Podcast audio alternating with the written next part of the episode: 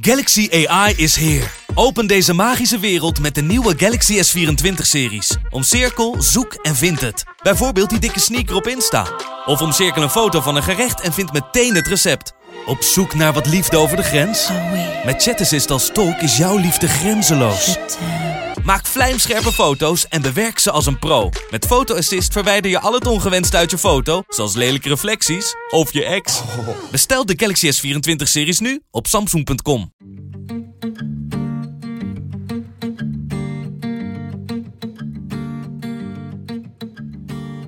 grootste pandjesbaas van de Eredivisie. Ik denk het wel. Want die 300 of 400 euro de maand is natuurlijk voor een heel groot deel uh, van de Nederlanders gewoon echt een, ja, een grof bedrag maandelijks. En terwijl je dan, als je waarschijnlijk al vijf of drie of vier, vijf panden vuurt, ja, dan lig je van die 300 euro waarschijnlijk niet wakker. Nee, dat heb ik gewoon geaccepteerd en dat uh, heb ik een plaats gegeven. Dus daar moeten we eens een kijkje gaan nemen. Het is geen noodzaak voor mij, laat ik het zo zeggen. Is er dat moment dat je eigenlijk gewoon ja, lekker naar huis wil en niet eens even niemand wil zien? Ik vind mooie vrouwen zeer aantrekkelijk, ja.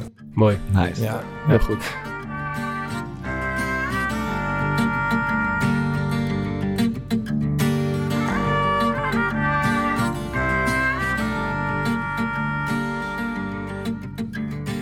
Toen wij van de Core Podcast de afgelopen week de implosie van het Forum voor Democratie en de puinhopen van de toeslagenaffaire gadesloegen, dachten wij, daar in Den Haag, daar gebeurt van alles. Dus daar moeten we eens een kijkje gaan nemen. Dus togen wij met z'n drieën naar het Binnenhof 1A op naar de Tweede Kamer, waar wij aan tafel belanden met een insider. Een lijsttrekker die ook nog eens naar de podcast bleek te luisteren. En daardoor met eigen oren heeft kunnen luisteren naar de volgende quote. Ik kan die asje niet uitstaan. Hij heeft, hij heeft Samsung genaaid. Was getekend Thomas Vaar. Met onze gast van vandaag uh, gaan we op zoek naar de raakvlakken tussen voetbal en politiek. En hopen wij uit te vinden wat zijn binding eigenlijk met voetbal is. Uh, met veel genoegen PvdA-leider Lodewijk Asscher.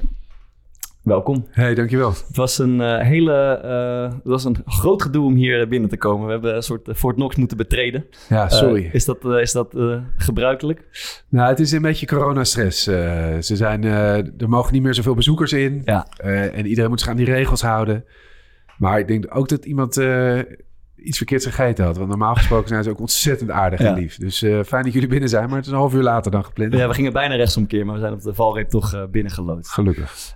wij hebben uw boek gelezen. Ja. Beetje te spelen met u en jij, maar ik mag tutoyeren, begreep ik. Ja. we lazen in je boek dat je vroeger de droom had om, om profvoetballer te worden. die droom heb je, heb je helaas voortijdig moeten beëindigen. Toen was de volgende droom het worden van minister-president van Nederland. En de vraag is een beetje, wanneer ga je weer richten op je voetbalcarrière? ja, bij die voetbalcarrière was in ieder geval al heel snel duidelijk dat, ja. het, uh, dat het niet ging lukken. En, en minister-president, daar kan je heel lang van blijven dromen. Ja. Dat is het voordeel daarvan. Maar je was rechtsbuiten toch altijd? Nou, ik heb ook wel uh, rechtsback gespeeld. Ja. Uh, in ieder geval altijd rechts, de rechterkant van het spectrum. Nee, maar ik was een heel dromerig jongetje. En ik, ik droomde wel van voetballer zijn, maar ik kon niet zo goed. Maar als je heel dromerig bent en niet zo goed kan voetballen... kan je nog steeds prof worden als rechtsbuiten. Heb je een goed voorbeeld? Links van u. Ja. ja. Ja, ze moeten mij ook echt geen rechtsback zetten, want dan, uh, dan, dan, gaat het, dan gaat het mis. Ja. Nou, ze ja. hebben mij ook rechtsbuiten op een gegeven moment volgens mij gezegd, omdat het minder risico was. dus ja, wat, wat kan er misgaan? Ze zijn gewoon rennen. Wat was je voor speler los van, uh, van, van het dromer? Uh, nou, ik was vooral... Uh, toen ik kind was, was de tijd van Van, van Basten en Ronald Koeman. Ja. Dus, dus we speelden buiten altijd dat je zo'n speler was. Ja. Dus als ik dan op het veld liep, dan dacht ik dat ook altijd even. Ja. tot, tot ik dan die bal niet, weer niet goed aannam of uh, ja. ik toch niet snel genoeg was. en later toen, dus zoals in mijn, in mijn kindertijd, ik weet wel, was wel altijd heel leuk. Dat, dat, zondagochtend super vroeg, mijn vader langs de lijn, een beetje sneeuw op het veld. Ja, ja ik vond het wel heel erg leuk om te doen. Ja. Maar later, toen, toen al die andere kinderen die werden eerder groot dan ik. Dus toen, uh, toen kon ik het al amper bijbenen. Ja.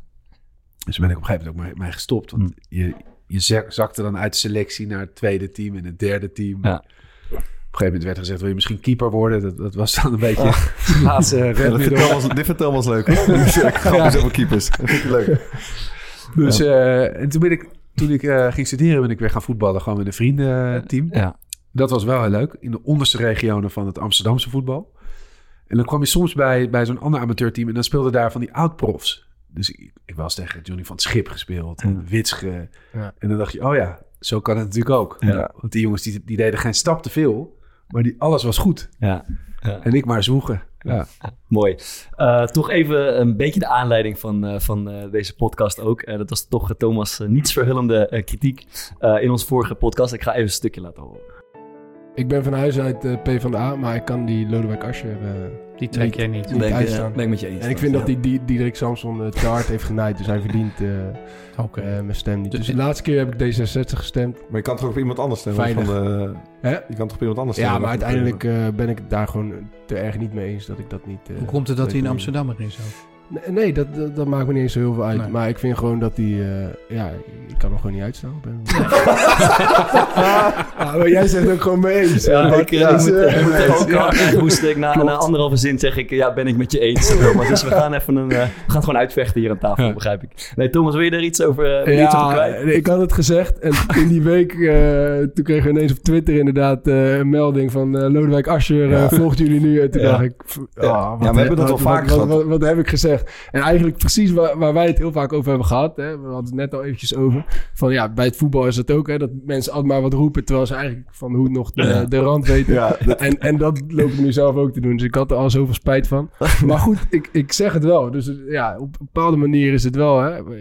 Ik was altijd wel. eh, ik kon me altijd heel erg vinden in, eh, in wat de PvdA eh, eh, wilde doen. En eh, ik heb uiteindelijk toch ergens anders op gestemd. Dus dat is toch iets waar je dan eh, als fractielid iets mee moet. Ook hoe kut het ook is, omdat ik er niks van weet. En, en het Dus idee, het, het- wat er blijft hangen eh, voor het publiek, is natuurlijk die, eh, dat, dat, dat moment tussen, tussen jou en Diederik Samson, een, een eh, interne lijsttrekkersverkiezing, die voor veel mensen als een beetje lelijk is bestempeld. En dat is misschien ook een beetje waar het gevoel bij, van je, bij jou vandaan komt. Ja, en ik, ook. ja, ik was ook fan van. eh, ik, ja, ik, stem, ik, vond, ik stond ook achter wat hij, wat hij Ja. deed. Ik vond hem niet heel erg populist. Ik vond hem wel heel, heel inhoudelijk altijd. En Ja. ja, de- de- de- dat sprak mij wel aan. En dus het deed me wel een beetje pijn toe, om te zien dat het toen zo. eh, Misschien zo kan je een postertje meenemen. straks. Ja. Maar eh, het- leuk, je reageerde er eh, sportief op en, eh, en, eh, en eh, kwam zelfs in ons, komt zelfs in onze Ja. uitzending. Ik las in je boek ook een, eh, vond ik een mooie passage. Eh, je, je, bericht- je post een berichtje op Facebook waarin je even, iedereen eigenlijk even meeneemt die, ehm, die je voor eh, moslimhater of moslimliefhebber uitmaakt. En nou ja, weet ik veel wat allemaal. Die neem je allemaal mee in één, in één bericht. Ja. Voel je vaker die neiging om, om, want je krijgt als politicus duidelijk lelijke berichten te verwerken. Voel je de neiging om daar iets mee te doen? Nou, maar dat is wel van een heel andere orde. Hè? Dat Dus begrijp ik, ja. Hier begrijp ik het namelijk wel. Ja. Het is inderdaad van buiten zag dat er lelijk uit. En het was ook niet goed. Hè, dat, in, daarom had ik je dat boek gestuurd. ja. Want dan kijk je daar zelf op terug. En het stomme is... Hè, dus zowel Diederik als ik... We probeerden daarmee onze club, dus ons team... uit, te uit de onmogelijke Ja. periode eh, te Ja. redden en sterker te maken. Maar dat werkte niet. Want mensen die vonden het te raar. En het, het werd lelijk. En het allerstomste is... Ik was ook nog voor gewaarschuwd. Van joh, dit gaat niet goed. Ja. Dit loopt niet goed af. En het was Ja. te eigenwijs en te overmoedig. Ja. Ik dacht, nee joh, dat, dat lukt mij wel. Ja. En eh, dus je bent echt niet de enige die daar ook een slechte, eh, slechte nasmaak van heeft. Ja. Ik heb het er met Diederik ook vaak over gehad. Van, joh, what were we thinking? Dat, het, dat we Ja. dachten, Ja. nee hoor, dan gaat iedereen opeens weer positief naar de...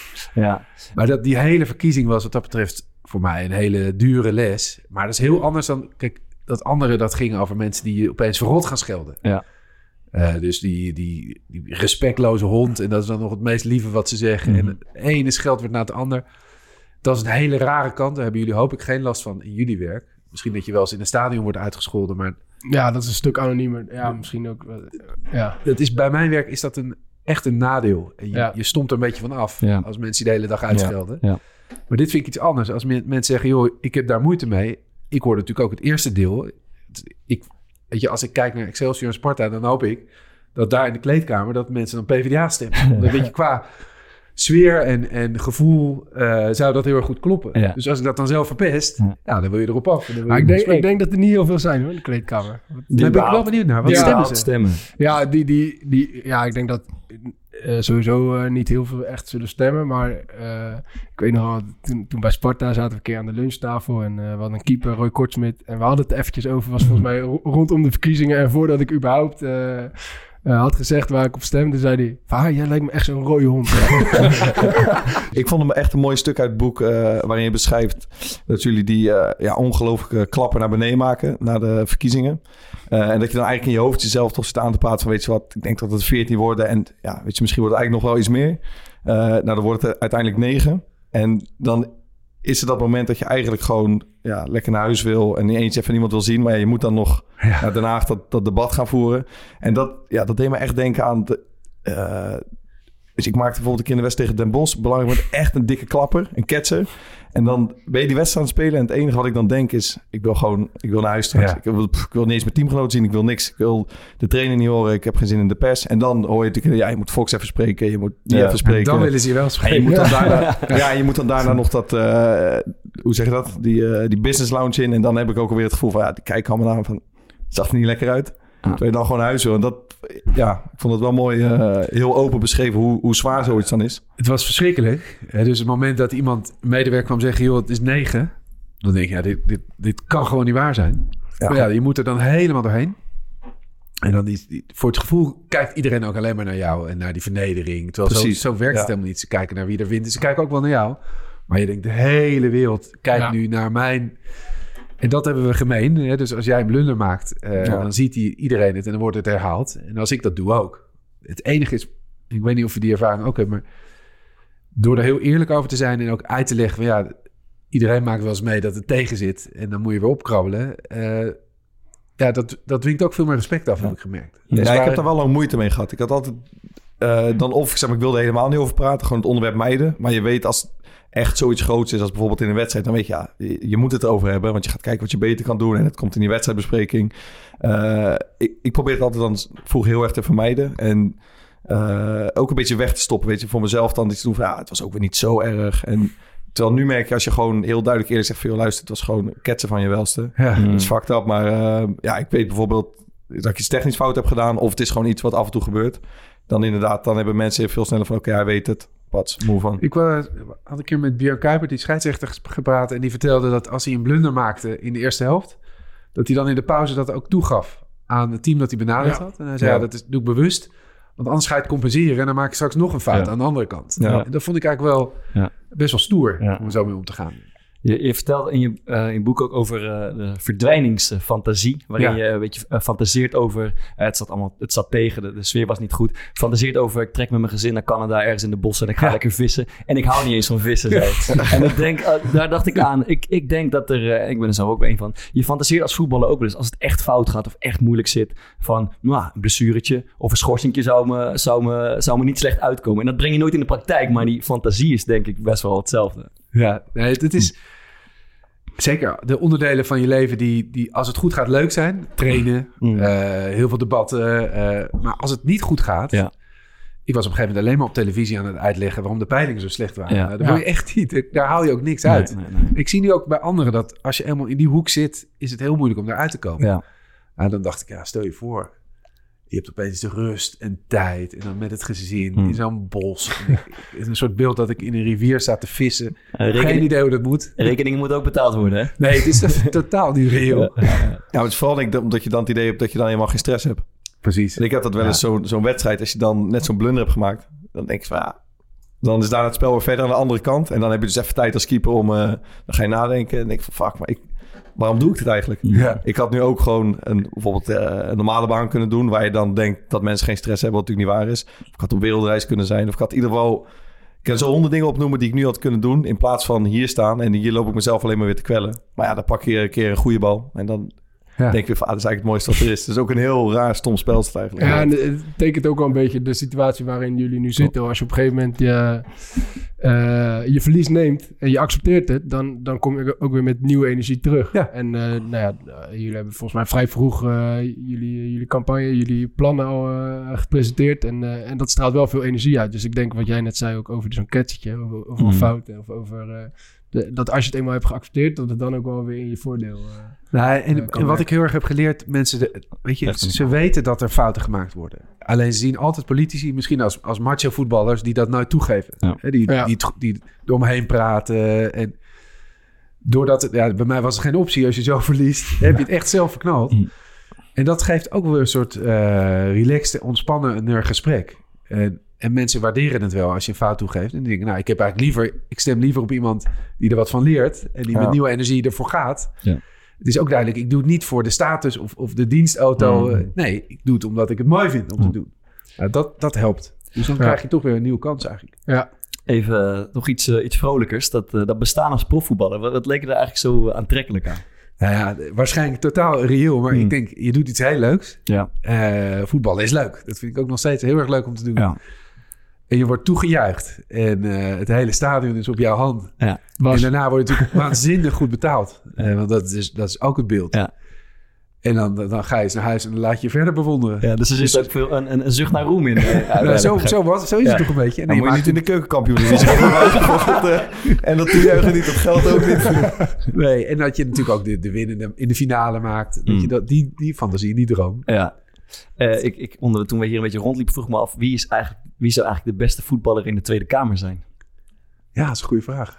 Er nooit, kijk, je hebt vaak bij bedrijven wel eens bedrijventoernooitjes... en dan is de, blijkt de accountant opeens best wel lekker te kunnen ballen... of helemaal niet. Ik, vind dat zal uh, misschien hier ook wel eens... Nou ja, waarschijnlijk niet, maar ik vroeg me af... is er iemand die... Ja, ik uh, weet wel, dus een beveiliger bij, bij het torentje Algemene Zaken, Ja. Koor, dat is een enorme muiter. Mhm. Dus die zou ik zeker in de verdediging zetten. Ja, ja, ja, ja. Dan komt het goed. Ja, ik heb een keer een wedstrijd gespeeld voor het goede doel van eh, onze volgende gast, eh, Sander de Kramer. En toen stond eh Emiel Roemer eh, rechtsback. ja, Heel vriendelijk, denk ik. Eh, ja, dat, dat was eh, best wel opkomend, eh, opkomende back. Dus eh, volgens mij stond eh, die presentator van de EO, eh, Thijs, Thijs van der Brink, Mm. linksback. We hadden een mooie, mooie elftalletje. Ik heb met Thijs van Brink Maar- was gefietst. Die is Ja. meer een, een wielrenner. Ja, ik vond dat Emiel Roemer eh, verrassend goed eh kon voetballen. zie je. Ja. Hij heeft hij nooit van laten zien in al die jaren. Ook goed postuur. Hij, was, hij is best groot. Ja. eh. Ja, is een Ja. groot gast. Wie, wie is uw uh, favoriete speler? Uh, nou, van toen was het Mar Marco van Basten. Ja. Dat is, ik weet nog... Ja, dat, dat was zoiets magisch. Mhm. Uh, iedere week keken we dan met z'n allen keken naar Studiosport. Geweldig. Ja. En nu vind ik ze spelen als Gravenberg, vind ik, daar kan ik ontzettend van genieten. Ja. En dan praat ik dus met mijn oudste, Abel, die is 13. Die zegt, hij is 18. Dat is over vijf Ja. jaar. Ja, En hij heeft dan nog steeds ook de droom dat hij via zijn team natuurlijk daar terecht komt. Ja. Ja. ik vind dat heel leuk dat er dan weer jongens rondlopen die ook weer een stuk jonger zijn dan jullie. Ja. Die het zo goed doen op dat eh, niveau. Ik, toch? ik had eigenlijk de naam van Hakim Ziyech verwacht. Ja, dat dacht ik al. Hakim Ziyech. Het, eh, je startte een, eh, een petitie eh, op eigen eh, hout, eh, houtje om, om Hakim Ziyech langer aan Ajax te laten verbinden. Ja. Wa- wat, wat zit daarachter? Nou, ik zat met eh, een vriend van mij te appen na die finale tegen de Spurs, die Ja. toen misging. Eh, Alex Klusman. Ja. Oh, dit is de stemmingsbel. Emiel, Emiel Belvis. Het is niet dat er een prijs verloot wordt, maar dat betekent dat de vergadering even geschorst wordt of dat er gestemd wordt. Dus we gaan, we gaan even stemmen beneden. Ja. Geen paniek. Even polshoog te nemen, Tom. Nee, maar toen na die halve finale was natuurlijk iedereen een beetje down. En het risico dat dat hele team met, het, met al die toppers zou Ja. worden leeggekocht. En eh, ik zei tegen Alex, we moeten eigenlijk een petitie starten dat Ziyech nog een jaartje moet blijven. Ja. En toen zei hij, nou doe het anders zelf. Ik had nog nooit een petitie gestart. En Dat is natuurlijk ook niet, het is niet mijn werk. Ja. Dus even later had ik dat op mijn website gezet als een geintje. Maar weer even later werd ik gebeld door mijn woordvoerder hier. Die zei, wat heb je nou gedaan? Zei, Hoe bedoel je? Klopt het dat jij een petitie bent gestart voor Hakim Ziyech? Ik zei, nou ja, misschien. Het was eigenlijk een grapje. Ja. En eh, nou, die, die computer die ging roken. En even later waren er 30, 40, 50.000 mensen die eh ja. hadden getekend. Ik weet wel, mijn boodschap was... eh Hakim Ziyech moet helemaal niet naar een wereldcup. Mhm. Daar zit hij al. En ja, je hebt vast wel eens tegen hem gespeeld. ja. Ja. Ja, ik heb met hem gespeeld. Dus, Ik, ik, Met gespeeld. ja, bij Heerenveen een paar maanden nog. En, was dat? Ja, is een hele goede speler. Ook een hele leuke gozer. Ja. En hij ehm, was toen sprake van dat hij naar Feyenoord zou gaan. Of naar Twente. En eh, ik kwam net bij Feyenoord vandaan. Dus ik hoopte echt dat hij daarheen zou gaan eigenlijk. Eh, maar toen koos hij toch voor Twente. Maar ja, echt een hele goede speler. Ja. Echt een hele goede speler. Ja, ik speelde vorig jaar eh, tegen, tegen hem. En je weet, want we kijken beelden natuurlijk van tevoren. Maar bij hem is dat niet echt nodig. Maar je weet, die bal, hij trekt met zijn ja, hij trekt naar binnen. En hij lepelt die bal van de zijlijn achter de verdediger. Ik ben centrale verdediger. Op de lopende mensen. En je weet het. En toch sta je... Ik stond in die wedstrijd twee of drie keer aan de grond genageld. Ik weet dat hij gaat komen. Uh, maar uh, ja, de paas is zo zuiver dat je, ja. ja. dat je toch te kijken wordt gezet. Hij Um, doet het ook bij Chelsea, hè? dat ja, vind ik stoer. ja. Je ziet weer een, een, een ander niveau, Ja. weer meer druk. De, toch, de, de cynicus in mij zegt ook eh, over zo'n petitie... het levert misschien ook wat stemmen op en wat media-aandacht op. Is daar iets van eh, terecht? Nee, in dit geval echt niet. Mm. Nee, dit was gewoon... eh, ik, nee, dit was gewoon een uit de hand gelopen grapje. Ja. En ik had helemaal niet door. Ik werd bij inderdaad... Ik, ik stond bij de, bij de winkel en er zei iemand na die... die ik moet niks hebben van de PvdA, maar die, die zierpetitie, dat steun ik.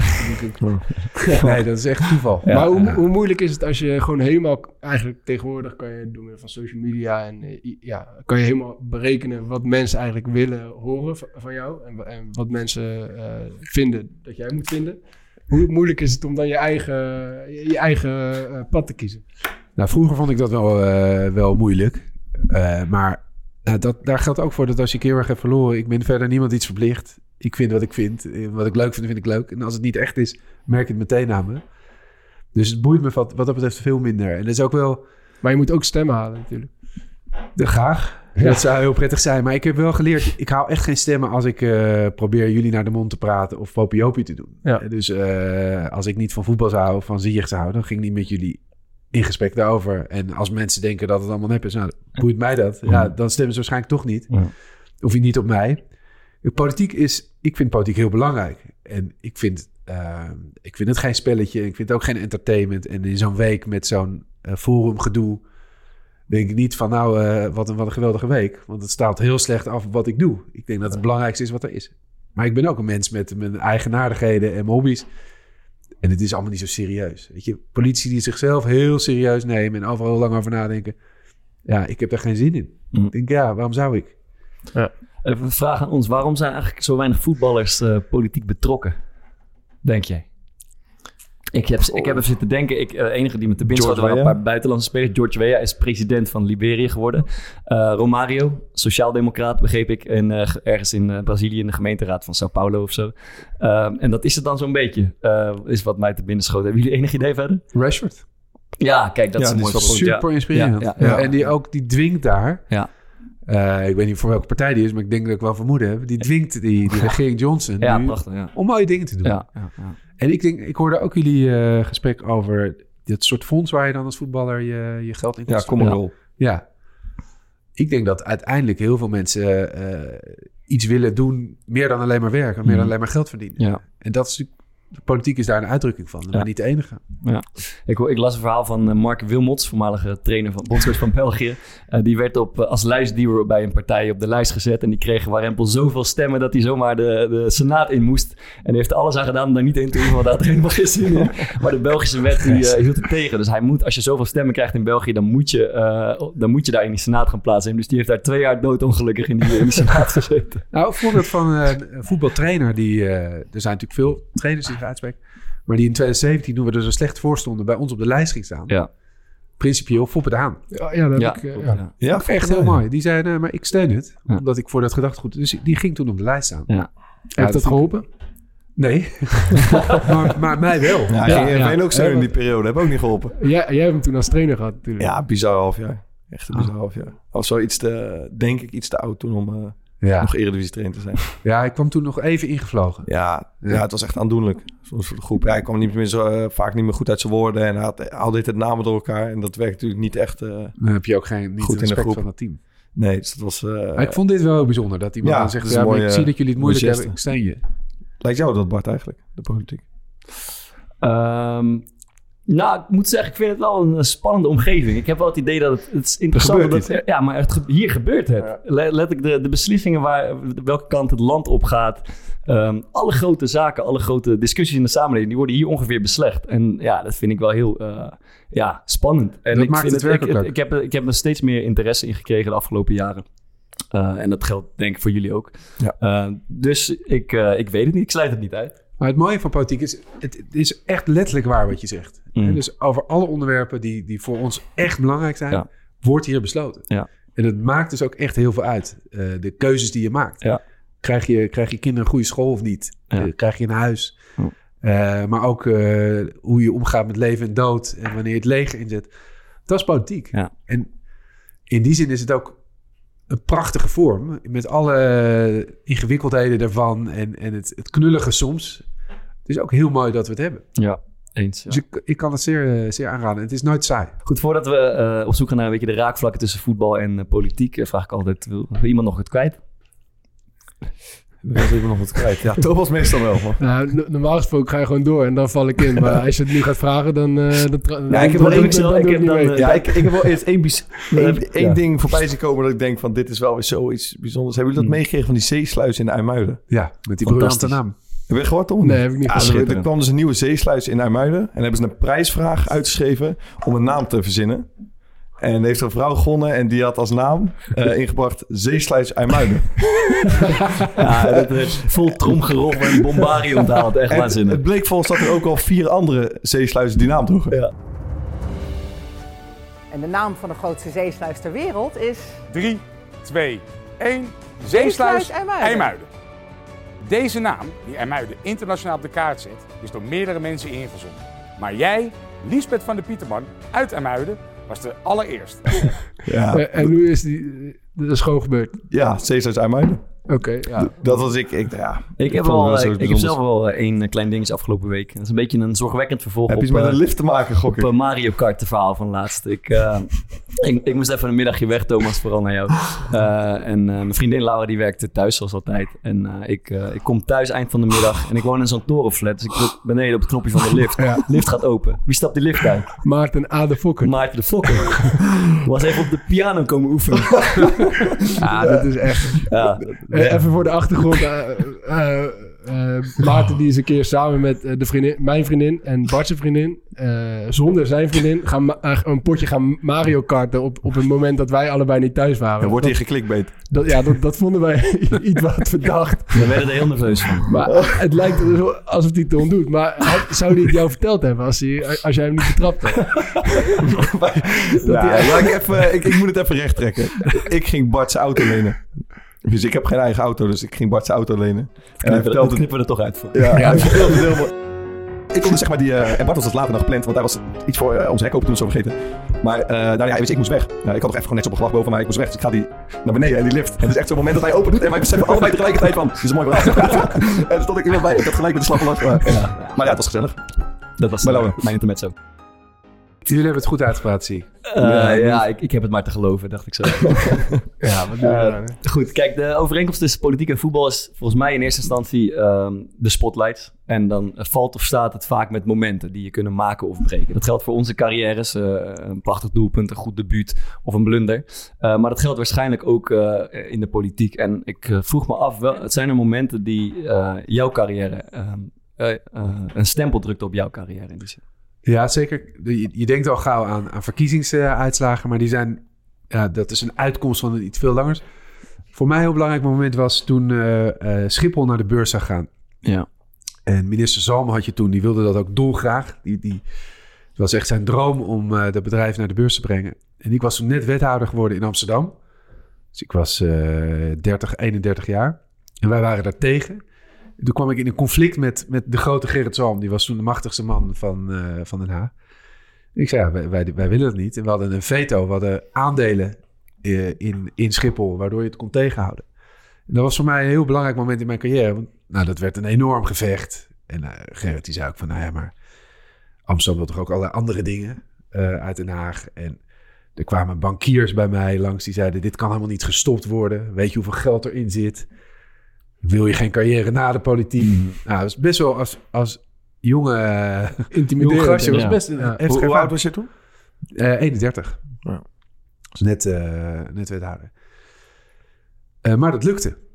Dus ze kregen het niet voor elkaar. En ik weet, ik heb er twee dingen van geleerd. Eén, soms heb je gewoon gelijk en dan krijg je het pas later. Maar ook, Gerrit Zalm was wel heel sportief als verliezer. Dus die heeft me eerst gigantisch onder druk gezet. Maar ik weet nog op een gegeven moment dat hij, dat hij zich realiseerde... het gaat niet lukken. Dus zat ik bij hem op het ministerie van Financiën. Heel chic glazen gebouw. Je zo door een kamerheer opgehaald. Ga je zitten. En Gerrit die zei op een gegeven moment... nou, die liet een bode komen. Die zei, eh, ik wil sigaren en whisky. Dus er kwamen sigaren en hij steekt sigaar schenkt whisky in. Zegt zo, op Fidel Castro aan de Amstel. ja, mooi. Jij hebt gewonnen. ja, dat vond ik wel... Ja. Weet je, dat zijn die momenten waarbij je, die je nooit meer vergeet. Ja. ja. Ik heb de titel van de aflevering al, Fidel Castro aan de Amsterdam. Ja, heel goed. Heel goed. Ehm, en en eh, ja, heb je voor jullie carrière heb ook zulke specifieke momenten die iets, eh, die iets hebben bijgedragen? Ehm, Ik denk dat dat voor mij... Is ook niet een, een, een moment wat uh, naar buiten toe heel erg bekend is. Hoor. Maar ik speelde als A-junior in Interland uh, tegen Spanje. En toen was ik soort van mijn eerste keeper. Uh, op dat moment van bij mijn lichting. En ik keepte een, een echt goede helft. Um, en daar heb ik een soort van mijn contract verdiend. vervolgens wat ik bij Heerenveen kreeg.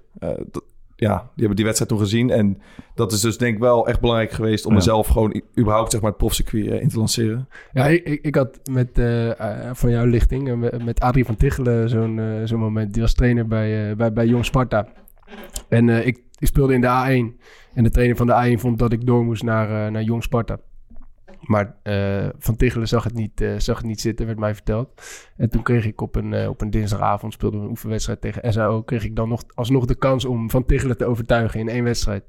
En dat wist je ook van tevoren? Ja, ja dat werd me ook gewoon Dat lukt normaal nooit. Ja, maar toen maakte ik twee goals en gaf een assist. Dus dat, liep wel lekker. En toen mocht ik uiteindelijk uh, alsnog uh, aansluiten bij Jong Sparta. Het, uh, het, jaar erop, ja, als zulke soort dingen niet, niet gebeuren, dan uiteindelijk lukt het alsnog niet in eerste instantie om een profcarrière te hebben, maar oh, ja, na een lange weg toch wel. dat, dat zijn wel... Je, je, zou gewoon letterlijk kunnen zeggen, als dat niet goed was gegaan, dan was, was het misschien helemaal ja, geen profcarrière. Nee, nooit, ja. nooit, nooit. Dus dat is wel, ja, dat zijn wel, het is toch wel hoe, hoe, breekbaar het eigenlijk ook wel, wel ergens, ergens kan zijn. Jij? Um, ja, meerdere momenten, maar het begint ik, eigenlijk Ik denk dat bij... interview bij Go Ahead, man. Welke? Ja, met, met die, nieuws. ja, met die uh, hoofdsteden. ja, dat is weer heel andere. Dat is wel, ja, dat zeg je wel wat. Dat is natuurlijk op een heel andere vlak. Um, Heeft ze dat wel eens gezien? Nee. Ja, ik, ik, ik, over, dat, over die topografie ja. dat, ja. Ik was uh, uh, een, ik ben nog steeds een redelijk anonieme speler, maar toen zeker. Ik was speler van Go Ahead, dan een beetje aan de onderkant van de, van de Eredivisie. Uh, en ik kreeg een, een uh, een interview uh, van wat was jij voor leerling op school en ik vertelde daar. Ik, ja, met uh, Pauw Nieuws, dus die zijn altijd wel. Nee, was niet. Was, was met niet Eagles TV. Okay. En die vroegen me wat was je voor leerling. Ik zei ik, ik vond topografie leuk, was goed in topografie. En die dachten we gaan hem even testen. Oh shit. Dus ik kreeg, ik kreeg allerlei vragen afgevuurd van de hoofdstad van dit, de hoofdstad van Ghana, hoofdstad van ding. En ik bleek ze allemaal te weten. Uh, en dat, uh, uiteindelijk ging het over de hoofdstad van Madagaskar. en dat fragmentje was redelijk, het ging een beetje op een lacherige manier. En dat werd op een gegeven moment opgepakt door de TV Draait Door van de Wereld Draait Door. En uh, toen is het een beetje rond, is een beetje viraal gegaan, is een beetje rond gaan oh, zingen. Grappig. En als je dat moment noemt, dat is wel misschien, het heeft me iets meer uit de anonimiteit getrokken. Ja. Dat, ik, dat zou ik wel kunnen zeggen, ja. Maar je deed dat ook wel echt lekker, een beetje arrogant. Ja, dat ja. laatste. Antanarivo. Zoek maar op thuis. um, maar een ander van ja, eigenlijk mijn, uh, mijn debuut. Uh, dat, dat is toch een beetje maken of breken. Voor de eerste keer dat je mee mag doen. Je eerste profwedstrijd. Dan moet je toch... Uh, ja, daar gaat het beginnen, hoop je. Maar is, het, is het zo dat, dat als die wedstrijd dan niet goed was geweest... dat je dan Nou, dat zeker niet. Maar het heeft me wel een... Ik, ik scoorde namelijk in, me, in, de, in de twintigste minuut van mijn thuisdebuut. En jij weet tenminste als verdediger... je krijgt ja. er enorme vleugels van. Dus uh, van een doelpunt in je wedstrijd... dat is gewoon opwindend. Dus daar krijg je een kick zelfvertrouwen mee. Daar, je, daar gaat last van je schouders. Ja. En je speelt een goede wedstrijd... en je zet gelijk de toon. Althans, dat was in mijn geval. En dan dat, toen had ik wel het gevoel van, paats, ik heb het nu vastgegrepen. En dan weet je ook, als je, als je, zo, als je goed speelt, dan weet je ook, je krijgt krediet. Dus je mag weer drie, vier wedstrijden, als het goed is, eraan vastplakken. En dan heb je de ruimte om, uh, om te groeien. En ja, dat zijn, er zijn veel van dat soort momenten in. Ik denk dat jullie dat ook hebben in je carrière. Uh, ja, waarin het dan net even de goede kant op valt. Ja. Ja, ook vaak net de fouten. ja, nee, het, het, het, het, tegenovergestelde is natuurlijk ook Dat waar. is ook regelmatig, ja. uh, regelmatig gebeurd. ik weet nog zo Waarschijnlijk vaker dan ja, ja. Um, iets anders die, uh, die ik denk wat het meest vergelijkbaar is met de voetbalwedstrijd, dat zijn die debatten. Vooral de televisiedebatten zo vlak voor de verkiezingen. Uh, is dat... Um, is dat iets waar je goed op voorbereidt? en, en analyseer je dat ook bijvoorbeeld? Hoe, hoe gaat dat in zijn werk? Ja, je, iedereen bereidt zich daar ontzettend goed op voor. Ja. En ik, ik heb vorige keer gemerkt, in 2017, toen deed ik dat voor het eerst in die rol, dat iedereen zenuwachtig is. Mm. Het was wel, uh, ik merkte wel, wow, deze jongens zijn echt heel goed hierin. Het is echt anders dan een gewoon kamerdebat, want het ja. is heel snel. Ja, toen, toen uh, Pechtel, die daar heel goed in was, uh, die, maar die was wel aardig en die zei, we zijn allemaal heel nerveus. Maar wat heel erg veel uitmaakt is wat voor tv-debat het is. He, dus je hebt soms een televisiedebat waarbij ze allemaal toeters en bellen doen, uh, druk op een knop. Ja stelling zus, uh, 15 seconden zo. Dat vind ik echt vreselijk. Mm, Want dan, ja. dan, wordt het meer een kunstje dan ja. dat je ja. het ergens over hebt. Maar als je een één op één debat hebt, ook al is het maar, maar vier of vijf minuten, dan is het veel leuker. Dus ik had in 2019 voor de Provinciale Staten kon ik tegen uh, Rutte één op één. En dan is dat is leuk. Dat is eigenlijk ook wat je wil. Dan is het meer dan kan je het verschil laten zien. Hij had toen dat Carolien-moment. Ja. eh, Wat ook wel, wel weer goed is om te laten zien dat het mensenwerk is. Dat hij Ja. opeens het even kwijt was. Ja. Carolien. Maar dat soort debatten zijn leuk. Maar er zit wel heel veel spanning op. Zeker op de... Voelt het echt als een wedstrijd? Ja, nou ja, je weet, er, er kijken nu... Bij zo'n slotdebat kijken er 4 miljoen mensen. Ja. En het is wel een moment... Er zijn heel veel mensen die dan pas besluiten wie, op wie ze gaan stemmen. En als je tegenstander, eh, een sterke tegenstander op dat moment, dan zo'n Carolien momentje heeft, denk je dan ook ergens, ik heb hem te pakken? Nou, toen niet. Want hij had toen, eh, de, de dag ervoor was die aanslag geweest op de tram in Utrecht. Ja, dat is waar. Ja. Dus ik dacht, ja, hij is gewoon ook heel moe. En eh, dus ik dacht, ja, ik ga nu niet hier heel erg op beuken. Ja. Want ik ken hem. Weet je, het is ook net als denk ik bij voetbal. Je bent wel tegenstanders in het veld. Ja. Maar persoonlijk eh, ken je elkaar ook. En heb je niet de behoefte om iemand eh, nog, nog een, een, een tik na te geven. Mhm. Dat wil verschilt wel per type speler, hoor, denk ik. En misschien ook per type Kamerlid. Ik zie Ja, al- dat is waar. Ehm, Ik zie vaak, ja, vaak is die trap graag naar. Als het bij mij moet op de training. Nee, nou ja, in een wedstrijd, als ik iemand ken, dan, eh, dan, dan vind ik het denk ik alleen nog maar mooier om te winnen. Dan, eh, en, en dan Nee, wil wel winnen. Met, met zo groot mogelijk eh, verschil, maar, niet- maar, niet, maar niet vals. Nee, maar kijk, bij, die, Maar- bij de Caroline, als iemand het echt kwijt is even... Ja. dan is het te makkelijk om, om, er, om, om te gaan natrappen. Dus je wil gewoon Maar is, het, winnen is met dat een natrappen sierlijke... of is dat gewoon... Ik bedoel, als iemand bij ons een fout maakt, eh, tegenstander, dan, eh, dan, dan, dan pakken we dat cadeautje eh, m- ja, graag uit. zeg maar. Een fout is de dividendbelasting. He- Heb je eh, toch ook niet af en toe het gevoel dat je een toneelstukje aan het opvoeren bent? Eh, ik, Nou, ik soms kijk- is, het, is het, zeker bij zo'n debat waarbij eh, eh, stelling 2... Op een gegeven moment hadden we bij de gemeenteraadsverkiezingen in maart... een stelling over Zwarte Piet. Hmm. En ik heb op een gegeven moment, jongens, er staat zoveel eh belangrijks op het spel. Waarom moeten we nu in maart weer een stelling over Zwarte Piet? Ja. Dat slaat nergens op. Hmm. Dat is echt voor het entertainment. Maar ik heb dat gevoel niet als ik in de, in de echtkamerdebat sta. Dan denk ik, ja, dit vind ik eigenlijk nog steeds ook heel bijzonder. dat ik dat dan mag doen. Ik Ja. denk, nou, weet je, ik loop dit bijzondere gebouw binnen. Eh, volksvertegenwoordiger zijn is wel... Ja. Is best wel heel mooi om dat te mogen zijn. Ja. Dus de dingen omheen zijn soms eh, een beetje gek. Ik, eh, u had eh een ding wat me opviel. Je hebt natuurlijk een paar jaar lang geregeerd. dus dus mee, meebestuurd, besluiten genomen, met, die, met, met, het kabinet opgetrokken. En vervolgens belandt u in, het, in, het, in de oppositie. En dan als automatisch lijkt het dat het afkraken van het huidige beleid de nieuwe rol wordt. En dan voelt het voor mij als een soort, als een soort rollenspel in plaats van wat je echt vindt. Kan je daar iets bij voorstellen? Ja, dat is ook, dat is ook wel een risico. Is een risico dat je opeens ja, dat je te grote woorden gaat gebruiken. Mm. En dat je niet meer snapt hoe het aan die andere kant is. Dus ik heb ook in die coronadebatten steeds geprobeerd wel duidelijk te maken, ook als ik kritiek heb, dat ik weet hoe hard ze aan het werk zijn. eh, dat niemand het helemaal goed doet. Eh, dan nog maak je er soms een fout in. Mm. Want als je lekker bezig bent, dan, dan gebruik je soms de grote woorden. Ja. Maar ik vind zeker de Partij van de Arbeid, wij, wij zijn de partij die juist weet hoe het is om te regeren. Eh, en dan moet je daar ook, dat moet je niet vergeten. Dus ik heb wel kritiek.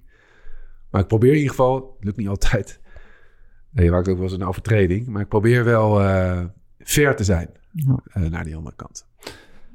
Ehm, en wij, eh, een van onze afleveringen die je zelf ook hebt geluisterd, ging over zelfvertrouwen, over, eh, over, over niet zelfverzekerd zijn, twijfelen. Eh, en ik kan me voorstellen in zo'n kamer, in, zo'n, in dat soort debatten, zeker op het scherp van de snede, dat het ook spannend kan zijn, dat je er zenuwachtig voor, de, voor kan zijn, dat je je kwetsbaar voelt. Is, dat is dat iets wat je ervaart of herkent? Ja, op, op verschillende manieren. Dus die grote debatten zijn gewoon spannend. Want dan weet je, het, het gaat over heel... Dus de algemene beschouwing is zeg maar ons belangrijkste debat in het jaar. Dus, dus de week van Prinsjesdag. Dan zijn alle fractieleiders, die zetten hun beste beentje voor. Het duurt twee dagen met de premier. Nou, iedereen voelt dan... Ja, die, je wil een mooi verhaal vertellen. En je wil dat jou... Dus dat is heel spannend. Hmm. Maar je hebt ook wel eens dat je, dat je een blunder maakt. En dat, dat je daardoor eh, denkt... Ik, ik wou dat ik in een, in een gat kon verdwijnen. Met het, met het stemmen was dat. Eh, Is er, ook, is er ook een specifiek moment of een onderwerp of iets waarvan je denkt, op, waar je op je kwetsbaarst bent? Nou, ik vind, ehm, als het echt over je, jezelf als persoon gaat, vind ik best wel spannend. Mm. Dus als het allemaal over werk gaat of over het verkiezingsprogramma, eh, dan is het niet zo moeilijk. Maar ik, heb, ik probeer ook wel eens iets meer te vertellen over waar je vandaan komt. Of in het boek beschrijf ik dat in die periode van die eh lijsttrekkerstrijd, waar jij zo'n hekel aan mij van hebt gekregen. dat was ook eh, periode reed ik naar Zeeland, naar zo'n zaaltje om mensen te overtuigen. Dat ik een telefoontje kreeg van mijn zusje van papa is ziek. En mijn vader werd toen heel ernstig ziek. en die is inmiddels ook overleden. En ja, bij, er hoort soms bij politiek dat je ook wat over jezelf wat meer vertelt. Maar dat vind ik ook altijd heel moeilijk. Want ik denk altijd, ja, eh, hoe doe je dat nou op een goede, nette manier? En, en eh, zitten mensen daar wel op te wachten? Terwijl de andere kant is juist, mensen vinden het vaak veel belangrijker om meer over jou als persoon te Ja. weten. Dan een standpunt over, eh, over een actuele kwestie. Ja. Maar ik vind dat nog, nog steeds heel moeilijk. Eh, als het daarover over gaat op televisie, vind ik anders spannend dan, eh, dan een conflict met een andere partij. Ja. En, Zo- en- en kan, kan een bepaalde mate van zelfvertrouwen, kan, dat, dat, eh, ja, dat zorgt denk ik ook voor hoe goed je bent in een, in een debat. En eh, heb je wel eens ervaren dat je in een bepaalde flow zit, dat je denkt van ja, nou, eh, nu, nu zit ik er echt lekker in en eh, nu, nu, eh, nu pak ik ze allemaal. Zeker. Of, ja, maar dat, dat is denk ik wel een beetje vergelijkbaar met, eh, met, met voetballen. Maar op welk moment is dat dan? Want je ziet dat natuurlijk niet echt op de televisie. Je denkt gewoon van ja, eh, dit, is, dit is allemaal een beetje van tevoren bedacht. Ze weten een beetje wat, de- wat de standpunten Ja, je zijn. voelt het heel anders dan dat het eruit ziet. Ja. Ja, dat is zeker zo. Maar je hoofd. ja, waar- wij het toen over hadden bijvoorbeeld, is dat bij voetbal eh, is het denk ik best wel belangrijk dat je, dat je tegenstander krijgt op een plek waar die niet wil zitten. Eh, en, en wij dachten van, nou ja, dat, daar kan je best wel wat meer aandacht aan besteden. Maar hoe, hoe doe je dat als politicus? Want, eh, Nou, bij mij is het denk ik... eh, je moet heel erg van je eigen kracht uitgaan. Dus als je het moet hebben van een fout van een ander... of een ander, eh, zeg maar, naar beneden halen... dat is, dat is eigenlijk mij nog nooit... daar krijg je nooit dat goede gevoel van. Dat vinden mensen ook... terwijl dat heel vaak gebeurt in de Het politiek. gebeurt om de havenklap. Ja, maar mijn, mijn ervaring is... het is veel beter als je eh, vrolijk bent... En, en, en je eigen verhaal vertelt. En als je je goed voelt... Ja, dan kan je ook goede grappen maken. En dan, dan springen je binnen dingen te binnen die dan briljant Ja. zijn. Blijkt dan achteraf. Ja. En dat is heel erg leuk. Ja. En dan, dan, dan gaat het echt vanzelf. Alleen, eh, je, je wil natuurlijk dat dat een knop is die je aan kan zetten. En dat werkt niet zo. Dat is met voetbal echt precies zo. ja. Ja, De- maar dan, dan heb je het idee, het overkomt me maar. Als het, Ja, je als er je is, dan doet gewoon wat in je opkomt, denk ik. het is altijd voorbereiden en trainen, net als bij jullie. Ah. Dus als je, je moet altijd je huiswerk gedaan hebben, in stukken gelezen en nagedacht hebben van welk verhaal wil ik eigenlijk vertellen en waarom is het niet voor mij belangrijk, maar voor de mensen voor wie ik opkom. En dat is voor mij altijd de, voor je het weet, laat je meeslepen door, door het, de ruzie van de dag of het dingetje van de dag. Maar het moet, in de politiek moet het natuurlijk gaan over iemand die bezorgd over zijn of haar leven langs hebt. Mm. En soms lukt dat dan opeens. Ja. Omdat je een goede dag hebt, omdat het meezit, omdat je eh, iemand anders een goede grap maakt en je, en je goed reageert. Ja, dan heb je beet. Mm. Daar kun je maar beter van genieten, want het kan zo weer Nou maanden ja, duren. absoluut, ja. Wo- Weten we alles wo- ja, zo zeg dat. dat is vanmiddag weer zo dat ik echt helemaal geen peper Ja, maar, maar, maar dat vond ik ook wel vet in het boek. eh, we beschrijven ook een stukje over, eh, over cynisme, zeg maar. Over dat, dat, dat mensen het idee moeten hebben om dat, dat ze ertoe doen in, in- Ja. in- tijdens hun Ja. werk. En, eh, en dat, dat vond ik super herkenbaar met hoe het is in de, in de kleedkamer. Want ik, ik denk dat het gevoel van ertoe doen echt super snel verdwijnt als voetballer zijn. Zeker als je in een slechte periode zit of als je op de bank zit. Eh, als je een aantal wedstrijden verliest, je bent keihard aan het werk. Maar als je niet wint, dan, dan lijkt het alsof het echt allemaal voor niks is. Een veelgehoorde grap is ook altijd, eh, als je 's morgens het veld oploopt, dat iemand zegt zo, ik heb, eh, ik heb zin in vandaag. Eerst nog even trainen. Ja, dat, dat ertoe doen, ik, dat is wel grappig. ehm, je hoort toch best wel vaak bij voetbaltrainers van wat is nou een goede trainer? Dat is iemand die ook de bank tevreden houdt. ja, En, maar wat is dan de bank tevreden houdt wisselspelers? Dat is letterlijk je wisselspelers het gevoel geven dat ze ertoe doen. ja, precies. Want je hebt heel vaak jongens die dan een beetje dat gevoel krijgen van... ja, ik ben hier echt voor de, ja, iets voor de katse kut. En die worden echt super cynisch. Ja, dat is gewoon Op wachten voor hun. Zij zitten gewoon te wachten totdat ze weer een keer eh, aan de beurt komen, denk ik. Eh, om inderdaad weer het verschil te kunnen maken om, eh, om te spelen. Maar Ja. wat jij zegt inderdaad, dat is, Ja. We hebben bijvoorbeeld bij, bij onze eigen trainer, ik, ik zat in het begin van het seizoen eh, eh, op de bank. Eh, en, en, en toen kwam hij op een gegeven moment een keer naar toe en toen zei hij van, ja, we, doen het nu zo en zo, maar ik wil toch even je mening horen over, eh, over, over iets tactisch bijvoorbeeld. Ja, dat, dat vond ik best wel, eh, Ja. be- best wel tof. En daar daar had ik wel gelijk, daar ga je gelijk met een beter gevoel eh, ik krijg wel energie van. eh, het Dat- veld. Maar het was echt een soort raadsel wat, eh, wat voor mij een beetje op zijn plek viel. Want, want je, je hebt zoveel cynisme in die kleedkamer. Ja, is niet dacht te ik doen. echt van ja, dit, dit Ja, is dat zo? Is ja, dat zo? ja, ja, dus echt- Oh. eh, maar dat- ik denk dat iedere voetballer, eh, profvoetballer, dat, dat wel herkent. Want, eh, ja, Maar is dat dan omdat mensen... Niet spelen. Niet maar- spelen. Maar ook, ook als, je, als je een aantal keer verliest. Dan, Ja, dan, joh. dan- eh, ja, dat, is gewoon een soort van... eh, ik, denk, ik denk gewoon een eh, verdedigingsstrategie, Ja. zeg maar, tegen... Ja, dat bedoel ik. Het Ja, is een beetje afweermechanisme. Ja, precies. Het zijn ja, ja. gekrenkte ego's keer verdedigingsstrategie. Ja, Ja, ja, bij ja. elkaar, ja. Dus- dus dat vond ik wel echt tof, eh, tof om te lezen. Ja. Toen dacht ik echt van ja, dat, want het overkomt mezelf namelijk ook. Want Ja. ik, ja, ik, ben er zelf ook vrij goed in. En, het Rotterdamse... Maar ik vind het wel bij terug. meevallen, man. Eerlijk gezegd. Ja, nee, ja, ik probeer altijd... Maar dat komt gewoon omdat ik wel altijd zoek om, om, om mijn dienst waar te maken. Want ik kan er gewoon echt niet tegen als ik het idee heb dat ik ergens voor de, ja, voor, voor de katse viool eh, Ja. bijloop, zeg maar.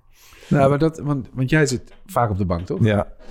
ja, ik had één ding nog over die, over die debatten. Kijk, je, zoals wij trainen voor een wedstrijd, dan, je bereidt dat eh, natuurlijk voor. In dat boek staat het op een gegeven moment ook wel een hele mooie passage over dat Geert Wilders dan eh, zegt van... Ja. eh, Lodewijk Asscher, je hebt voor elkaar gekregen wat Job Cohen in al die jaren niet gelukt is. De totale vernietiging van de PvdA. En ik ging, Bart en ik hebben het daar een paar keer over gehad. En we zijn ook een beetje video's van Wilders terug gaan kijken. Het is echt komisch. Zo hoe- praat hij. Ja, echt. Je- Je, je, deed, je deed van, vanmorgen bij mij deed je fucking goed na over Mark Rutte. Weet je, weet je, Dat is zo mooi. Ja, oh ja, eh, Mark Rutte. Ehm, zoek een leuke vriendin. Maak een mooie reis. Ga golven. Maar Neem laat- een hond. Ja, Ja. neem een hond. Maar laat alsjeblieft Nederland met rust. ja, maar ehm, ik- neem aan dat je bij best veel standpunten, zeg maar, weten jullie wat je als partij en als persoon ervan vindt. En je weet ook wat een andere partij of politicus ervan vindt. Dus dan kan je best wel een soort van, oké, ik zeg dit, nou, dan gaat hij dit zeggen, dan ga ik dat zeggen. Eh, en dat een beetje zo, zeg maar, voorbereiden. Maar word je nou vaak echt verrast in zo'n debat? Nou, soms wel. Kijk, eh, sommige mensen zijn natuurlijk technisch heel goed. Mhm. Dus Wilders, zoals je hem nu nadoet, die is, die is, die is een heel goede debater, technisch. En je weet ook, bij hem weet je, hij zal altijd nog harder uit de hoek komen dan jij. Dus als je hem aanvalt, dan weet je ook, daarna krijg je volle trap op je knieën. eh, eh, vliegende stuk. Maar je wordt niet heel snel door verrast met wat hij, eh, met wat hij zegt. Bij andere eh debaters is het veel grilliger. Is het veel minder te voorspellen met welk punt ze komen. En is het ook vooral heel erg zaak om je niet... Ja, je moet je er ook niet te veel door laten afleiden, gek genoeg. Want het gaat uiteindelijk ook... Kijk, je gaat, ik ga Rutte niet overtuigen en hij mij ook niet. Dat is het rare van zo'n debat. Het Ja, gaat want je probeert het wel, maar je weet eigenlijk dat het hem niet gaat worden. Ja, hij, hij gaat geen PvdA stemmen de- binnenkort. Waarschijnlijk niet. Dus, de- en ik geen VVD. Dus je moet dan ook zo'n debat gebruiken als een moment om eh, eigenlijk voor de kijkers thuis de verschillen te laten zien. Ja. En liefst ook nog een beetje op een manier dat het, dat het begrijpelijk is en niet te, te vliegafvangen. Maar, Maar dat, daar van tevoren over nadenken doet iedereen. En dat, dat geeft, eh, dat, dat moet ook bijna wel. Hè, want als je niet erover hebt nagedacht en iemand valt je opeens aan op een ja, punt- dan word je sneller verrast ook. Ja. ja. Zullen we een eh, vragenblokje uit de kleedkamer doen? Ja, dat is wel, dat ben is wel. Ja, we, we hebben wat eh, rondgevraagd binnen onze kleedkamer en eh, of, of er nog vragen waren. En, en nou ja, we kwamen uiteindelijk natuurlijk uit bij eh, Luigi Bruins. Dat is een teamgenoot van ons en eh, die hebben we al een aantal keer eh, genoemd in deze podcast. En die, eh, die, die, die wilde eh, of ik aan jou kon vragen, of jij aan Mark eh, Rutte kon vragen waar zijn 1000 euro eh, een paar maanden, een paar jaar geleden. En, en of je vervolgens te goed kon doen aan Thierry Baudet. Ja, nou, ik denk dat je me- mede namens Mark Maar Rutte... toen was, toen was jij volgens mij ook in het kabinet, toch? Met, eh, met, eh, met die 1000 euro. Zeker, nee, die gaat helemaal nooit meer komen. dus Luigi je moet echt een andere keuze gaan maken. Dat zou mijn advies zijn. Maar in, in dat boek over Rutte, wat eh tijdens is uitgekomen, daar beweert hij dat heel veel mensen dat indirect wel gehad hebben. dat Door een soort belastingkorting. Ja, dat beweert hij. Vraag maar aan Luigi. Of Ja, daarom- Nee, zit er nog steeds op te Nee, wachten. Louise Ja. zit te wachten. Kijkt iedere dag nog in zijn brievenbus dat envelopje er is. Maar Nee. Nee, nou, ik denk dat... Daar heeft Rutte ook wel weer van geleerd dat dat zijn beloftes eh, niet goed werken. En eh nee, kijk, ik vind zelf politiek als het zo plat wordt werkt, slaat het ook nergens meer op. Dus, ik beloof jou dit. Nou ja, uiteindelijk gaat het over je visie op, op hoe een land zich moet ontwikkelen in plaats van eh, mensen, mensen Maar het heeft, het heeft wel gewerkt toen, denk ik. toen wel. Ja. Ja. Dus, eh, maar, en, en het werkt nog steeds, want daar zit het nog steeds. Dat is een raadsel. eh, nou ja, misschien dat Luigi daar nog een tip voor heeft voor mij. ja. Onderuit de Dat zou weg. ik graag willen. ja, maar die mensen trappen er niet meer in. Want Jesse Klaver kwam toen met dat, natuurlijk die 10.000 euro of als je 18 werd. Maar dat is toch een beetje doodgebloed. Ja, ja, ja, klopt. Nou, daar, mijn kinderen die vonden dat niet, eh, niet overtuigend. Dus dat, dat Nee. was voor mij wel een teken dat ik daar niet op mee Ja. moest. eh. Ja, maar die zijn misschien ook iets beter geïnformeerd dan de... Die zijn razend goed geïnformeerd. en ik verlies thuis die debatten meestal wel eh, van die gasten. Maar, maar zij vonden dat ook niet... eh, ze geven dan aan mensen die arm zijn. Ja. Ik was eh, vanmiddag in de kleedkamer en toen zei uh, Dero Duarte zei tegen wat ga je doen vanmiddag? Zei ik, heb, ik ga naar de Tweede Kamer. We gaan een podcast opnemen met Lodewijk Asscher. Ik ging eerst even naar Google afbeeldingen kijken wie Lodewijk Asscher ook weer was. daar had hij niet echt een mening over. Maar wat hij wel vond was, waarom zitten al die politici de hele tijd op hun telefoon tijdens dat soort debatten? Waarom luisteren ze niet naar elkaar? En dat vond ik eigenlijk een treffende vraag. Ja, dat is een mooie vraag. Nou, ik denk dat het heel erg... je kan informatie krijgen van de medewerker. Ja. Dus vaak is dat ook wel de manier waarop je er wordt iets beweerd en iemand kan het checken of het wel waar is. Maar ik heb wel gemerkt dat als je van papier praat, dat iedereen naar zijn telefoon kijkt. Maar als je zo praat, dan gaan mensen toch meer luisteren. Mhm. Dus ik vind het zelf wel een missie om... Je staat daar in de Tweede Kamer, vertel dan uit je hart wat je vindt. Neem dat risico. Dan heb je ook minder die telefoons. Want het Mhm. ziet er soms niet uit. Ja, Ja, het ziet er ook een beetje... persoonlijke, denk ik. Ja, Ja. Ja eh, als inderdaad de oppositie eh, iets aan het... En dat, dat Mark Rutte dan op zijn telefoon een beetje zo zit. eh, ja, dat ziet er zo... Ongeïnteresseerd. Ja, is wel Nou, soms ja, is het ja. voor hem ook een, een afweermechanisme. Dus Ja. als je hem heel hard aanpakt, Dan dan gaat gaat, hij zogenaamd on- ongeïnteresseerd in zijn telefoon. Ja, Ja, ja, spelen ja. of zo, denk ik. Dat snap ik ook Dat is wel. een beetje wat voetballers doen als ze net een fout hebben gemaakt en je weet dat de camera erop staat, dan gaan ze hun sokken ophalen. Ja. Je even jezelf een beetje onzichtbaar maken. Exact. Ja. Jullie nog een brandende politieke vraag? Ehm, nou ja, ik heb het, ehm, het partijprogramma even erbij gepakt. En eh, er was om één punt, is natuurlijk heel veel te doen geweest over de laatste twee dagen. Dat was de Prins Bernhard belasting. Ja. Maar ik vond het, eh, ja, ik vond het eigenlijk wel een mooie naampie. Maar, maar jullie waren er volgens mij niet zo heel over. ik, ik vond, het, eh, ik Nee, ik vond dat het het natuurlijk heeft volledig eh, eh, uitgewerkt zoals jullie dat willen. Want het heeft heel veel, eh, heel veel aandacht gekregen. Maar ja, we, we hadden een beetje... Wij komen natuurlijk... Dus we wonen allemaal in Rotterdam.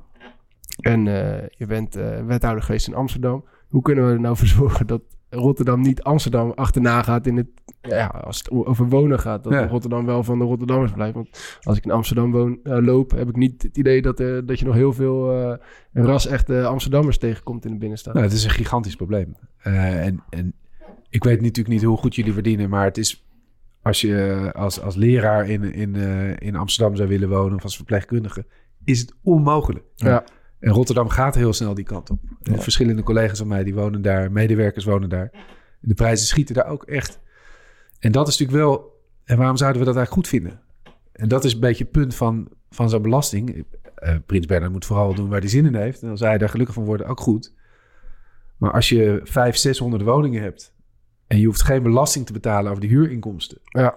En er is geen geld om betaalbare woningen te, te bouwen. Ja, dan moet je niet verbaasd zijn dat de Partij van de Arbeid dat wil veranderen. Mm. Eh, Betaalbare woning is echt wel de basis van, van, eh, van Ja, een normale stad. Ja. En je krijgt anders. En je, in Amsterdam. Een huis verdient in Amsterdam gemiddeld meer dan een Amsterdammer. Ja. Omdat de waarde zo snel staat. Ja, dat, is is bizar. dat is nu bij ons ook wel een beetje. Maar ik, kom, du- ja, ik ben ook echt in Rotterdam opgegroeid. En ik weet dat in mijn jongere jaren was het centrum ook echt een plek die je in principe gewoon eh, meet. Omdat, omdat eh, er, za- er waren gewoon een hele hoop slechte buurten in het centrum. En die gentrificatie die daar, die daar, die daar is geweest, heeft ook wel echt voor gezorgd dat Rotterdam een stuk leefbaarder is, eh, is geworden. Dus ja, in hoeverre ga je dat dan wel toejuichen? En, en wa- wanneer ga je dat beteugelen? Ik denk dat dat super moeilijk is. Want Nou, ik vind eh, veiligheid vind ik, vind ik heel belangrijk dat dat er is. Ja, Bart, wij hebben hier een tijdje terug eh, best wel uitgebreid over gehad. Omdat in de voetballerij is het ook wel... eh, wat heel veel jongens doen is als ze veel geld verdienen... gaan ze maar meerdere pandjes kopen. Um, volgens die verhuren. Nou, krijg je pand overwaarde. Dan neem je zeg maar weer die maximale hypotheek erop. Koop je nog een pand, Ja, ga je het, weer is, ja, verhuren. het is echt een trend. Als je, Ja. als je jonge jongens ook vraagt van eh, wat, wat ga je doen met het geld dat je verdient. Als je op een gegeven moment echt veel geld verdient. Ja, investeer je in vastgoed, zeggen ze dan eigenlijk allemaal. Ja. Eh, en, en vroeger was het eh, waarschijnlijk eh, auto kopen. Maar nu Ja. wordt wel een beetje geleerd om Ja, je kan heel makkelijk geld verdienen daarmee. En jongens gaan. helpen elkaar, we praten erover, jongens sturen elkaar een beetje aan. En Precies. bij ons, wij zijn nog, spelen nog bij kleine clubs, maar kan je nagaan op clubs waar echt geld wordt verdiend, daar Ja, gebeurt het natuurlijk ook. De- de- de- de- Er zijn gewoon bedrijven die nu uit de grond schieten, die inderdaad eh, voetballers eh, zor- ja, eh, ervoor zorgen dat ze een passief inkomen eh, krijgen. Dat, dat is wat wij eigenlijk, waar wij het over hadden, is eh, helemaal als voetbal op het moment dat je nog heel goed verdient. Waarom moet je, als je een woning hebt en eh, je hebt er bijvoorbeeld 800 of 1000 euro aan kosten aan, ehm, waarom moet je hem dan voor 15 of 1600 bijvoorbeeld vuren? Want het is gewoon een standaard reflex om op de top van de markt te gaan Ja. zitten. Ik kan er 1500 euro voor krijgen, dus we vragen er 1540 euro voor of 1495 euro voor. Het is gewoon een standaard reactie van op de top van de markt. Ja, terwijl je hebt het geld niet nodig en je, ja, je pakt eigenlijk, je maakt gewoon een huis voor een bepaalde groep onbewoonbaar. Kijk, natuurlijk, de, de woningkrapte is een probleem. Maar daardoor sluit je gewoon een hele groep uit. Ja, klopt. Wie je die kans ook zou willen geven. We hebben daar ja, best wel over gediscussieerd. En het, ja, het zou op de een of andere manier wel leuk zijn. als je dat met een beetje, zeg maar. eh, dat idee verspreid kan krijgen. Maar ik heb het een beetje geprobeerd bij wat jongens Ja. die ken het ook doen. En ik krijg het er moeilijk in. ik, ik kan nog Nou, wel maar wat ik- oefenen met Nou, debatskills. je, je punt is, als je, als je toch al genoeg geld hebt en je kan het je veroorloven om vijf, zes, zeven pannen te verhuren. Ehm, dus je bent rijk genoeg. Waarom zou je niet en winst maken en ook nog ervoor zorgen dat, Dat iemand iemand anders een hele betaalbare huurwoning in het midden van de stad Want die kan 3 of 400 euro de maand is natuurlijk voor een heel groot deel eh, van de Nederlanders gewoon echt een, ja, een grof bedrag Ja. maandelijks. En terwijl je dan, als je waarschijnlijk al vijf of drie of vier, vijf pannen vuurt? Mhm. ja, dan lig je van die 300 euro waarschijnlijk niet wakker. Nee. Nou, en, en het is het mooiste als mensen uit zichzelf denken van... Nu, ik, ik zet daar een gezin in die, eh, die een fijne woning willen. Maar we je maakt ook spelregels voor degene die dat niet uit zichzelf... eh, Ja. En dat is politiek. Ja, Ja. ik, vond, ik vond het ook een. eh, ik dacht als ik één punt zou willen wat nu direct zo doorgevoerd zou worden, dan eh, ja, mag, van Bart en Thomas mag het niet die naam houden, maar dan ik vond de Prins Bernhard Welke naam, welke naam mag het dan? eh, Ja, De eh, Wieberen van Aga belasting. Zo dat. Hebben jullie getwijfeld? ja, daar doe ik het ook voor. Dan snapt iedereen het ook. Ja. Of de Jan Arie van de Heide belasting. Misschien, eh, Grootje, grootste pandjesbaas van de Eredivisie. ja, Ja. van de Eredivisie. Goed, eh, ik denk dat we moeten afsluiten met, eh, met de aanraders van de week, waar we iedere week eh, mee komen. En ik ben heel benieuwd waar, je, eh, waar je de luisteraar mee gaat verblijden. Jullie hebben allerlei verschillende soorten aanraders. Ik dacht, eh, poëzie. Dat is wel, mijn vak is, is taal. Eh, en, en daar goed over nadenken. En Mm. poëzie vind ik mooi, omdat dat stolt de taal. En dat maakt het, het lijkt klein, maar het is super moeilijk om, eh, om te doen. En een aanrader die ik eh, zou zeggen is Judith Herzberg. Dat vind ik onze grootste nog levende Nederlandse dichteres. En die heeft eh, nou, al 60 jaar prachtig geschreven. Dus ik dacht, ik ga één gedicht ga ik jullie gewoon geven. Komt uit de bundel Zeepost uit 1963. uit je hoofd. Ja, en dat is, dat is echt troostrijk. Hè? Dus ook als je denkt, ik zit op de bank en komt het allemaal nog wel goed. Dat gevoel wat we allemaal goed kennen. Het heet Daglicht. Uit chaos van lakens en voorgevoel opgestaan. Gordijnen open, de radio aan. Was plotseling Scarlatti heel helder te verstaan. Nu alles is zoals het is geworden. Nu alles is zoals het is. Komt het misschien, hoewel misschien, tenslotte nog in orde. Aanrader. Mooi. Nice. Ja, heel goed. Cool. Mooi. Ik, eh, eh, ik neem hem even over. Eh, weet, zijn jullie bekend met het fenomeen drill rap? Ja, Dat is geen aanrader, toch? Luisteren, luisteren je kinderen daar bijvoorbeeld naar? Nou, ze luisteren wel naar van alles. Ja. Ja. Het is echt wel, eh, soms in de auto mogen ze om zijn beurt een liedje kiezen. Ja, Dan komt er iets naar binnen. Drill rap is niet mijn aanrader, maar er is een eh, podcastserie eh, die gaat over dit fenomeen. Het, gaat, het is een muziekgenre onder jonge kinderen, waarin geweld nogal wordt verheerlijkt. Vooral messen steken en, en je krijgt zelfs onderling punten als je iemand hebt gestoken of geslagen of iets. En dat kwam tot een climax afgelopen zomer in Scheveningen, toen Ja. een van die jongens daar dood werd gestoken. En daar is een beetje een... eh, ja, is een beetje een rage aan het worden, want dat is vaker gebeurd. En de Volkskrant heeft er een serie, een podcastserie, drie afleveringen over gemaakt. Om een beetje te verdiepen in dat onderwerp. Met de jongens te spreken. Waar gaat het over? En de serie heet eh, Kleine jongens steken niet. En het was eh, verontrustend, maar ook wel, ook wel boeiend. Dus dat is mijn tip van de week. Mooi. Zal ik me even overnemen, toch? is goed. Ehm, ik zag vandaag een, eh, een verontrustend bericht. En weet natuurlijk dat veel horecazaken het moeilijk hebben eh, in deze coronaperiode. Ehm we hebben in deze podcast vaak hebben het gehad over Dream School, het, eh, het programma.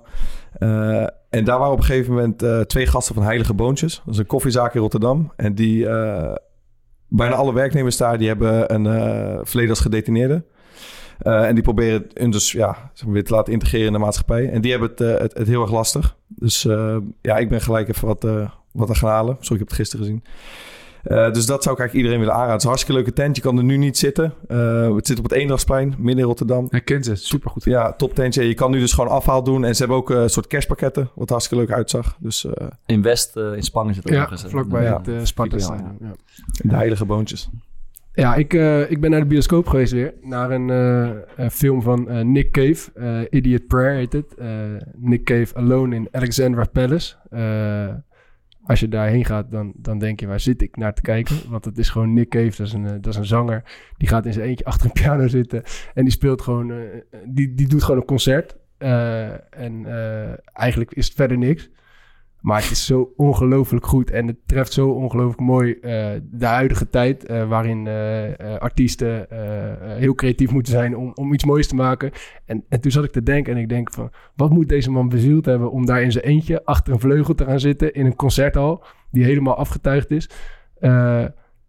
Hoe, hoe kom je erop? Hoeveel zelfvertrouwen moet je hebben om Ja. dat te doen? Maar eh, ja, ik vind het echt een, eh, echt een geweldig film. En de muziek die erbij hoort eh, is prachtig. Dus dat is mijn, eh, dat is mijn aanrader. Mooi. Over muziek gesproken eh, sluiten we iedere week af met een liedje. Eh, ik heb geen idee wat er zo al in de Tweede Kamer wordt gedraaid, maar ik ben heel benieuwd wat jouw muzieksmaak is en waar je mee zo van afstaat. Misschien één vraag nog. Wat denk je eigenlijk dat eh Eerdmans opzetten? Waar Baudet boos van wordt? ja, nee, dat is wel duidelijk. toch? Ja, ik heb het heeft, gehoord, eh, ja. Ja, Eh, 80 eh, muziek. ja, eh, nee, Frans, eh. Fr- Frans liedje, geloof ik. Eh, Le temps est bon of zo. Ken, dat ken jij vast, Thomas. Tot Nee, de ik, bal eh, van Boef. Tout est bon. Tout est bon, tout est bon. Tout est, tout est bon. Als ik binnenkom, beter ga je super dom. Super dom, super dom.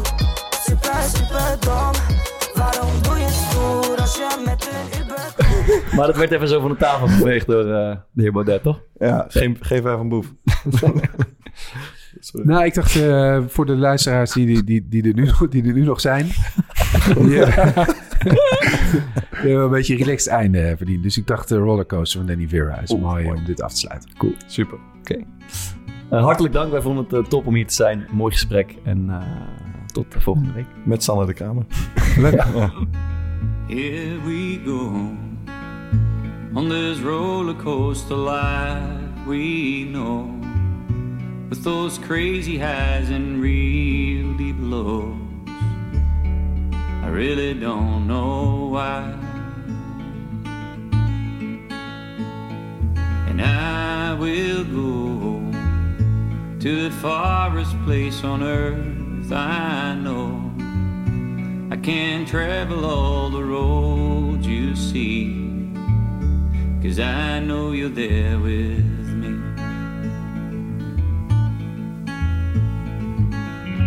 You don't have to slow me down, cause I will always be around. I will find my way back home where magnolia grows, where magnolia grows.